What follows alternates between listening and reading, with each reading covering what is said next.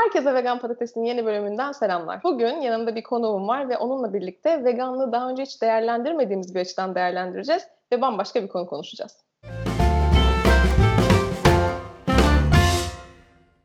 Bugün Halil Öztarhan benimle birlikte. E, kendisi uzun zamandır bu alanda araştırmalar yapan ve çalışan bir ziraat mühendisi. Aynı zamanda Vegan Gazete'de de yazar. Geçtiğimiz günlerde ben onun gazetede bir yazısını gördüm. İlk yayınlanmış yazındı galiba değil mi? Evet. Ee, çok güzel bir yazıydı gerçekten ve onun sahip olduğu bilgiden faydalanmak istedim. Çünkü veganlıkla ilgili etik konuşuyoruz, çevre konuşuyoruz, işte sağlık konuşuyoruz ama tarım konusu birçoğumuzun bilmediği bir konu. O yüzden ondan rica ettim böyle bir programa konuk olmak ister mi diye. Kendisi de kırmadı beni sağ olsun. E, bugün de vegan tarımla ilgili bir şeyler konuşacağız. Başlamadan önce sen biraz kendinden bahsetmek ister misin? Seni tanımayanlar için neler söylemek istersin? Ziraat mühendisi bir anne ve babanın çocuğuyum. Doğduğum günden beri bu işin içerisindeyim. Söyleyebileceğim çok bir şey yok. Yani sadece şunu bilmenizi istiyorum. Herhangi bir şirkette ya da devlette çalışmıyorum. Tamamen kendi işimi yapıyorum. Kendi arazilerimde üretim yapıyorum. Kendi paramı kazanıyorum öyle diyelim. Ve herhangi bir fon ya da işte bir devlet desteğiyle herhangi bir proje yürütmüyorum. Öncelikle bunları söylemem gerekiyor. Bu evet. çok önemli bir bilgi aslında. Çünkü bazen bakıyoruz böyle işte et çok sağlıklıdır diye bir araştırma yayınlanıyor mesela.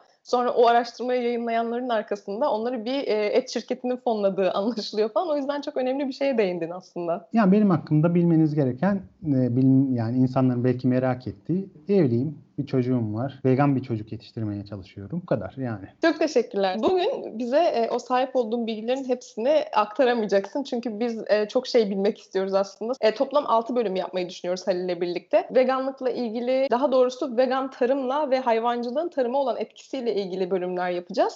E, eğer sizde varsa sorularınız e, yorumlar kısmına yazabilirsiniz. E, ufak ufak başlayalım. Vegan tarım mümkün mü bugünkü bölümümüzün konusu? Aslında vegan tarıma geçmeden önce bir organik tarımla ilgili arasındaki farkı senden dinlemek istiyorum. Çünkü e, bayağı kavram karmaşası var sanırım bu konuyla ilgili. Bize biraz bahseder misin organik tarımla vegan tarım arasındaki farklardan? Tabii ki. İlgilenen insanlar tabii ki biliyor. Yani organik bir ürün nedir? Nasıl olması gerekiyor? Sertifikasyon sürecinde yani biz gittik bir ürün alacağız arkasına baktık. E, geçerli bir kurum sertifika vermiş mi, vermemiş mi? Bunları görmemiz gerekiyor. Zaten bunları biliyoruz ama ben bilmeyenler için şöyle söyleyeyim. Organik ürün yani organik tarımda yapılan işlerde sentetik gübreler kullanılmıyor belli başlı ilaçlar yani belli başlı ilaçlar derken tabii ki ben burada özenle hazırlanmış preparatlar ya da biyopreparatlardan bahsetmiyorum. Ama ilaçlar anlandığımız anlamda tarımsal ilaçlar uygulanmıyor. Toprak işleme minimuma indiriliyor ve organik tarım yapılan arazinin diğer tarlalardan, yanlarında komşu tarlalarından etkilenmemesi için azami dikkat gösteriliyor organik bir ürün, organik bir tarım ürünü ancak böyle elde edilebiliyor diyebiliriz. Peki veganlıkla alakası nedir derseniz yani vegan tarım olunca ne oluyor? Organik yeterli değil mi? Zaten organik tüketiyorduk ya da organik özendiriliyor diyebilirsiniz. Avrupa Birliği'nin bu konuda çok büyük bir yatırımı var. Ortak tarım politikası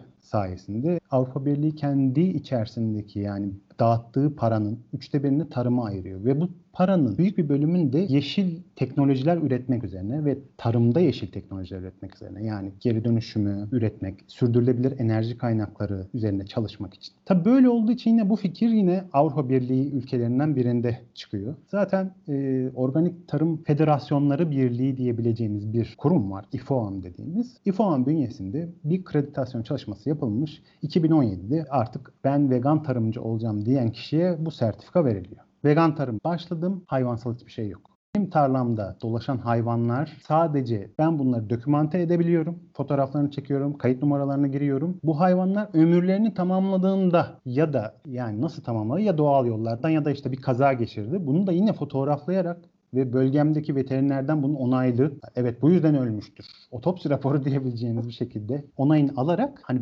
ben bu hayvanı kesmedim ya da bu hayvandan para kazanmadımı ortaya koymanız gerekiyor. Çok hassas bir konu. Çünkü organik tarımda hayvan kullanılıyor. Neden? Zaten sentetik gübre kullanmıyoruz. Hayvan gübresi kullanıyoruz. Sentetik gübreler kullanılmadığı için de hayvan gübresine dayalı bir sistem var. Fakat tabi bunda da mutlaka sınırlar var. Hani rakamlara boğmak istemiyorum dinleyenler ama bu süreç içerisinde hayvansal ürünler de kullanılıyor. Yani adam hayvanın derisinden bir preparat geliştirmiş diyelim. Bu preparat böcekleri engellemek için yapılmış. Bunu da kullanamazsınız. Çünkü o zaman yine hayvan sömürüsü olmuş oluyor. Vegan tarım hayvansal hiçbir girdiği kabul etmiyor kısaca. Ben de sana şeyi soracaktım. Yani tarımda vegan olmayan uygulamalar var. Bir tanesinden sen bahsettin. Hayvan gübresi kullanılıyor. Bir diğeri belki ilaçlamayı bu alanda değerlendirebiliriz. Çünkü ilaçlamada birçok hayvanın yaşamının sona ermesine sebep oluyor. E, bu ikisi özellikle tarım için çok elzem konular gibi görünüyor. Çünkü bir e, böcek musallat olduğunda bütün e, arazideki ürünler gidiyor. Ne bileyim işte hayvan gübresi olmayınca yeteri kadar e, yetişmiyorlar gibi gibi bazı şeyler var. Tabii bu benim dışarıdan bildiğim. Bunlar olmadan özellikle hayvan gübresi olmadan ve ilaçlama yapılmadan tarım yapmak mümkün mü? Nasıl e, insanoğlu kuşlara bakarak uçakları dizayn ettiyse, bugün sesten hızlı uçaklar bile e, en hızlı kuşların kanatlarına bakılarak kanatları dizayn edildiyse aslında bizim de tarımda önümüzde kocaman bir doğa var. Doğaya bakmamız gerekiyor. Eğer bu söylediklerimiz geçerli olsaydı yani böcekten ürünlerin kırılması, hastalıktan kapkara tarlalar, bembeyaz olmuş külleme hastalıkları olmuş tarlalar görür. Yani o zaman doğada her şey, bütün bitkiler ölürdü. Görüyor muyuz böyle bir şey yok. Çiftçilerimizin hep nedir? İşte bir avuç buğday savurdum. Bunun üçte biri tarlaya geliyorsa, üçte biri kurda kuşa, üçte biri de e, işte yok oluyor doğada. Doğada e, çözünmeye uğruyor. Biz buna yani şimdi yeni kavramla biyo döngü içerisinde çözünüyor diyebiliriz. E peki ben ne yapacağım? Yani diyorsun ki ben bir çiftçiyim ya da ben bah- bahçem var, hobi bahçem var ve ben kesinlikle hayvan gübresi kullanmak istemiyorum. En temel, en can alıcı yöntem ki bunu organik tarımda da kullanıyoruz. Normal, konvansiyonel yani klasik yöntemlerle yapılan tarımcılar da bunu kullanıyor aslında. Bu ekim nöbeti. Yani Hı. ekim nöbeti dediğimiz bir olay var. Ne yapıyorum? Benim bir tarlam var. Örnek veriyorum. Dörde bölüyorum. Kış sebzeleri yetiştireceğim. Kışın. Burası Akdeniz bölgesi sayılıyor. Akdeniz bölgesinde yetişebilen kışlık sebzelerimi yetiştireceğim. Tarlamı dörde bölüyorum. Tarlamın dörtte birine bir e, familyadan yani mesela örnek verelim. Brassica familyası. Yani lahanalar, brokoliler yetiştirdim. Tarlamın diğer dörtte bölümü kök bitkileri, havuçlar falan filan. Diğer bölümünde yine meyve veren sebzeler. Bunu ne yapıyorum? Tarlamda bu dört bölgeyi sürekli birbirinin yerine ekiyorum. Bir dahaki sene havucun yerinde brokoli oluyor. Öteki sene brokolinin yerinde patlıcan oluyor. Böylece ne olmuş oluyor?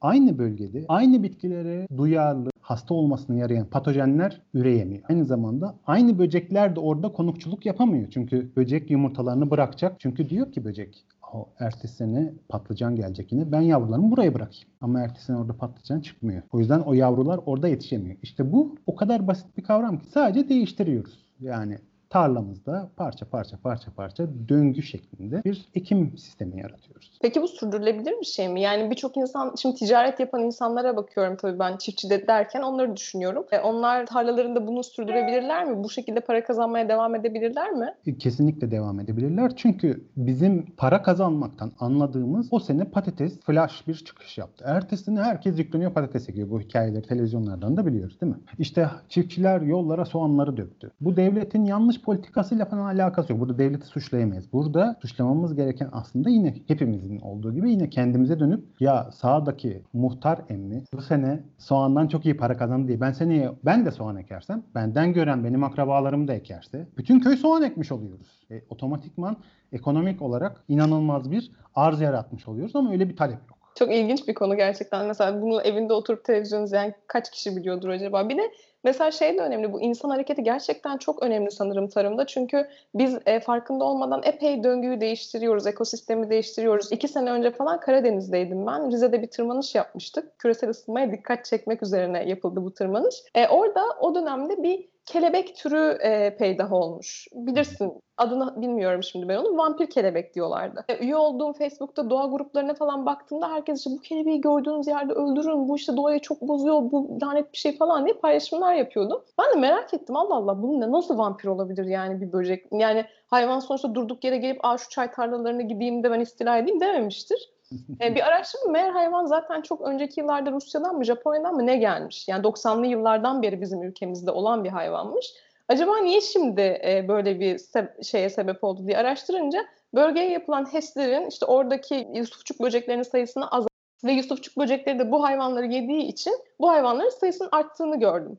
Ya aslında hayvan hiçbir şeyi yok, suçu günahı yok. Burada Kesinlikle. tek sorun e, bizim insan olarak yaptığımız aktivitelermiş meğer. Yani tarımın sürdürülebilir olması birçok şeyle ilgili ama sanırım insan hareketi bunlar arasında en önemlisi. En önemlisi gerçekten. Gübre olarak akıllarda bir soru daha kalmasın diye hemen onu da ekleyeyim. Bir de yeşil gübreleme dediğimiz bir konu var. Yeşil gübreleme nedir? Gübre aslında nedir? Yani bunu da bir tanımlamak gerekirse yani biz gübre atıyoruz. Aa işte gübre attım. Gübre paketinin üstünde 3 büyük harf göreceksiniz. N, P ve K harfleri. Bunlar işte azot, fosfor ve potasyumun kimyasal sembolleri. Eğer bunları sentetik atabiliyorsak demek ki biz bunları e, bitkilerle sağlıyoruz. Yani bitkiler bunları üretiyor zaten içerisinde. Yeşil gübreleme yapmak da böyle bir şey.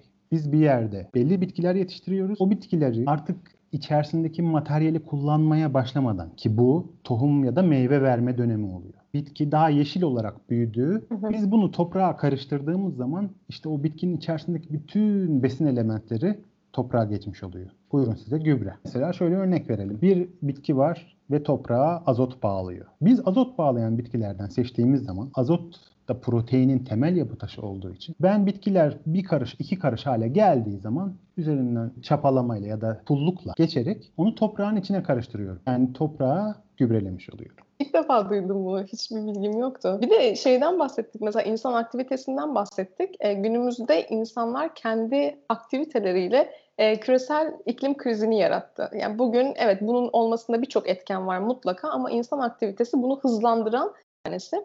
E, ve mevcut bilgimize göre bizim bu iklim krizinin ilerlemesini azaltmak için yapmamız gereken şeylerin başında sera gazı emisyonunu azaltmak geliyor. Hatta bir çalışmaya göre e, 2050 yılına kadar bizim sera gazı emisyonumuzu en az %80 oranında azaltmamız gerekiyor ki o tarihe kadarki e, sıcaklık artışı 2 derecenin altında olsun. Ki biliyoruz bir derecelik bir artış bile dünyada neleri değiştirdi son yüzyılda. Bu açıdan değerlendirdiğimizde hayvancılık sektörü de atmosferdeki sera gazı seviyesini artıran en büyük sektörlerden bir tanesi. Yani bizim hayvancılığa bir şekilde e, mola vermemiz gerekiyor ki hani bu sera gazı e, oranları azalsın. Ama bunun yanında hayvancılık aynı zamanda bizim sularımızı da kirletiyor. Birçok alanda aslında çevre kirliliğine sebep olan bir şey. Bu suyu kirletmesi biraz insanlar tarafından anlaşılan bir şey değil. Bize bunu açıklar mısın? Yani okyanuslar, yeraltı suları, yerüstü suları hepsini kirletiyor. Nasıl yapıyor bu? Ya önce hayvancılık dünyadaki tarımın ne kadarını işgal ediyor diye bir açıklama yapmak gerekiyor. Bir sürü bağımsız kaynaktan alınan bilgilere bakacak olursak bugünkü tarımın %80'i sadece hayvancılık için kullanılıyor. Yani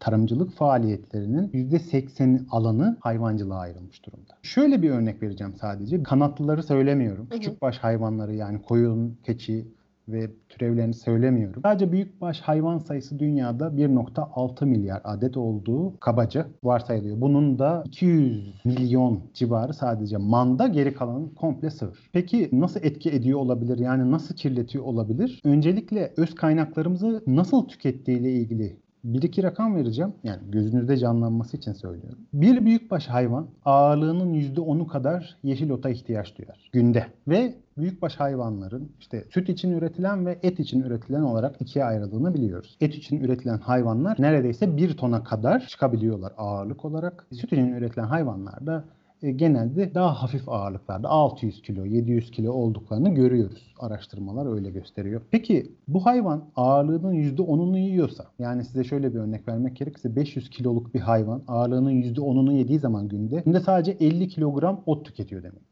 Yani ben 50 kilogram ra- radikal yemem bir günde. 50 kilo rokada tüketmezsin değil mi?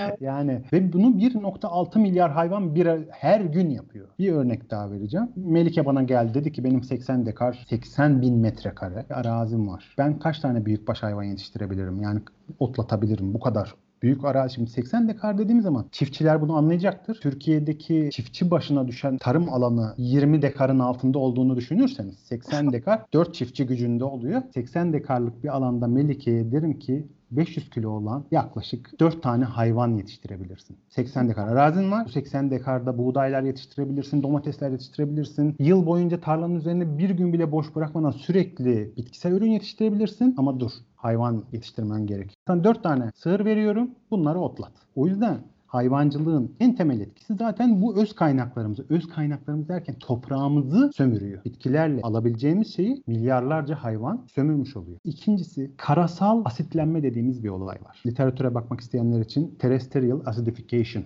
olarak geçiyor. Hayvanların dışkılarından sürekli, hayvanlar çünkü yemek yiyor ve dışkılarından sürekli nitrojen ve sülfür formları toprağa karışıyor. Ve toprak bir süre sonra asitlenmeye çünkü bunlar asidik bileşikler asitlenmeye yol açıyor. Asitlendiği zaman ne oluyor? Bakmış bilim adamları bitkilerin kök gelişimi zayıflıyor. Bitkiler sararmaya başlıyor ve bitkilerde tohumların çimlenmemeye başladığını görüyoruz. Şimdi yani aslında kendi bacağımıza sıkıyoruz. Tabii ki bu düşünüldüğü zaman biyoçeşitlilik yani biodiversity'ye göre korkunç bir yıkıma, korkunç bir tahribata yol açıyor. Okyanuslar açısından baktığımız zaman bu hayvanlar sürekli sera gazı salınımına neden oluyor değil mi? Metan gazı olduğunu hepimiz biliyoruz karbondioksit ünlü bir aktör ama asıl e, abisi olan ve bugün Sibirya'nın donmuş topraklarının altında saklanan metan gazı küresel ısınmanın neden önemli olduğunu anlayacaklardır. Bu metan gazı 80 kat zarar veren diyen var, 100 kat zararı diyen var, 1000 kat zarar diyen var. Yani karbondioksitten bu kadar kat daha zararlı bir gaz var. Hayvanlar bunu sürekli dışkılarıyla da bileşikler olarak karıştırıyorlar. E ne oluyor? Deniz suyu pH'i değişmeye başlıyor. 2050 yılı belki aynı e, çalışmadan bahsediyoruz ama 2050 yılına kadar öngörülen denizlerin pH'ının 0.3 ila 0.5 daha asit olacağı. E denizlerin pH'i asitlenirse kalsiyumdan kabuk yapan hayvanların kabuk yapamaması demek. Ne demek? Yani midyeler, bir sürü plankton, fitoplanktonlar, zooplanktonlar. Bu hayvancıklar kabuk yapamazsa denizin içerisindeki canlılık kesinlikle yok olur. Çünkü onlarla besleniyor. Küçük balıklar küçük balıkları yiyor büyük balıklar. Öyle Bütün çeşitlilik yani. mahvoluyor yani. Tamamen kayboluyor. Bir de aynı zamanda sanırım e, okyanusun üzerindeki karbondioksit seviyesi yükseldiği için güneş ışınlarıyla da beslenemiyor aşağıdaki canlılar. Kesinlikle. Ve yine kesinlikle. yeraltı sularına da e, herhalde sızarak mı zarar veriyor hayvancılık? Dediğim gibi bu nitrojen yani olay e, azotun formları nasıl söyleyeyim? Siz işte protein almamız lazım, protein almamız lazım e, diyen arkadaşlar için söylüyorum. O proteinin bir de öyle bir formu var ki azotun e, asla hiçbirimiz kullanamıyoruz. Amonyak. evet. Amonyak e, en çok nede bulunuyor? Tuvalete giden herkes biliyor. E, öyle olduğu için amonyak inanılmaz bir zehirli etki yaratıyor bütün canlılar içerisinde. E, köpek balıkları hariç. köpek balıklarının zaten etinde amonyak var. E, bütün canlılar bu amonyak nedeniyle zaten hasta oluyor. Yani biz yeraltı sularına amonyak karışmış bir yerde yaşıyorsak bir süre sonra görme bozukluğuyla başlayacak semptomlar ve sonunda bizi ölüme götürecek bir süreç yaşayacağız. Bir de ne var? Benim en üzülerek hani söyleyeceğim hayvanların kesim artıkları yani hayvanlar kesildikten sonra o beden parçaları ha, kullanmadıkları işte deli dana hastalığı çıktı artık kanı kullanmıyorlar. Eskiden hayvan yemlerini hayvanlara kendi kanlarını ve kendi kemiklerinin tozunu karıştırıp veren e, bir endüstriden bahsediyoruz. Deli dana hastalığı çıkınca dediler ki ya bir, bir şeyler yanlış yapılıyormuş. E, toprağa döküyorlar. Nehirlere döküyorlar. E bu hayvanlar yetiştirilirken bu hayvanlara ilaçlar vuruluyor. Antibiyotikler vuruluyor bu hayvanlara yerleşmiş organizmalar bunlara karşı bağışıklık kazanmış oluyor. Ve ben alıyorum galonlarca, litrelerce tonlarca kanı sulara suya veriyorum. Nehirlere boşaltıyorum. Ne olmuş oluyor otomatikman? Antibiyotiklere dirençli mikroorganizmalar içme sularıma karışmış oluyor maalesef. Çok şey bir tablo ya. Korkunç bir şey. Ki bir de 2050 çok e, uzun bir zaman da yok yani. Ne kaldı ki? 30 sene kaldı. Hepimiz eğer yaşarsak, ölmez de sağ kalırsak bu e, çöküşü birebir şahit olacağız. Ve bilmiyorum e, bununla ilgili tabii alınan tedbirler var. Devletler bir şeyler yap, yapıyorlar. Göstermelik mi değil mi? Artık kimseye de güvenimiz kalmadı e, her şeyin yanında bir de hayvanların hala çekmeye devam ettikleri acılar var. Yani neresinden tutarsak tutalım elimizde kalan bir şey. Umarım bunu değiştirebiliriz. Umarım senin gibi düşünen daha çok bilim insanıyla kesişir yolumuz. Bu bölümün ufak ufak sonuna geldik galiba. Var mı eklemek istediğim bir şey? Şöyle söyleyebilirim. E, hayvancılık endüstrisini yani yermek için söylemiyorum tabii ki bunları. Neden söylemiyorum? Şimdi çünkü dünyada bir gerçek var ülkemizden bahsetmek gerekirse hani insanların aklında da hemen hadi hemen her şey kapatılsın yok edilsin gerçekçi olmuyor. Biz hayal görmeyeceğiz. Bizim gibi duyarlı insanlar gerçekleri görebiliyor olması lazım. Eğer hayal kurmaya başlarsak karşı taraftan herhangi bir farkımız kalmaz. Çünkü onlar da hayal görüyor. Onlar diyorlar ki dünya sınırsız kaynaklara sahip tüketelim. Biz de diyoruz hadi bir anda her şey, bir anda her şeyi değiştiremezsiniz. Bir anda her şeyi değiştirirseniz çok büyük zararlara yol açarsınız. Şöyle örnek vereceğim sadece. Türkiye ekonomisinde tarım sektörünün payı %6.2 ve istihdam olarak da %20 dolaylarında ben hayvancılık sektörüyle uğraşan insanları bir anda buradan istihdamını kaybederse nereden iş bulacak? Bu insanlar nasıl yemek yiyecek? Ya da ülke ekonomisinde bunun yerine koyulabilecek ne var? İşte bilim adamları aslında burayla uğraşıyor. Yani aslında vegan düşünceye sahip bilim adamları işin bu kısmıyla uğraşıyor. Ne diyoruz? Yenilenebilir, sürdürülebilir teknolojiler üzerinde çalışıyoruz. Yani kesinlikle tüketilebilir kaynaklardan kullanmak istemiyorum. İsmini yanlış söyleyebilirim ama ünlü astrofizikçi Michio Kaku'nun anlattığı gibi biz daha dünya olarak tip 1 uygarlık olamadık. Daha tip 0 uygarlığın 0.75'i kısmındayız. Tip 1 olduğumuz zaman kendi gezegenimizin bütün kaynaklarını kullanabiliyor olacağız. Yani bu ne demek? Yanar dağların korkunç gücünü de enerji olarak kullanabiliyorum demek. Hava olaylarını istediğim gibi düzeltebiliyorum, değiştirebiliyorum. İşte 5.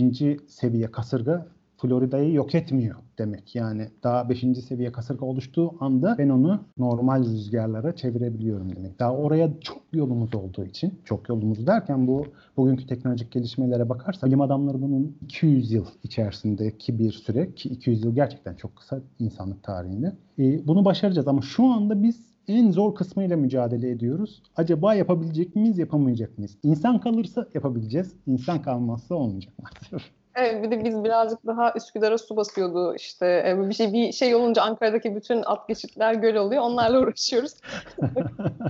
de yapabiliriz bir gün. Bilmeyenler için bu video serisi daha devam edecek. Halil'le birlikte daha tarımla ve hayvancılıkla ilgili çok fazla konu konuşacağız. Eğer video serisini e, izlemeye devam etmek isterseniz kanala abone olabilirsiniz. Aynı zamanda Halil'in yazılarını Vegan Gazete'de görebilirsiniz. E, aşağıda açıklama kısmına Halil'in sosyal medya hesaplarını da bırakıyorum. Kendisini takip edip e, bu konularda bilmiyorum yanıtlar mısın ama sorularınız varsa ona iletebilirsiniz. Çok teşekkür ederim Halil e, benimle birlikte bu bölümleri çekmeyi kabul ettiğin için. Umarım ileride de yine aynı şekilde devam edeceğiz. E, izleyenlere de çok teşekkür ederim. Önümüzdeki bölümlerde görüşmek üzere. Hoşçakalın.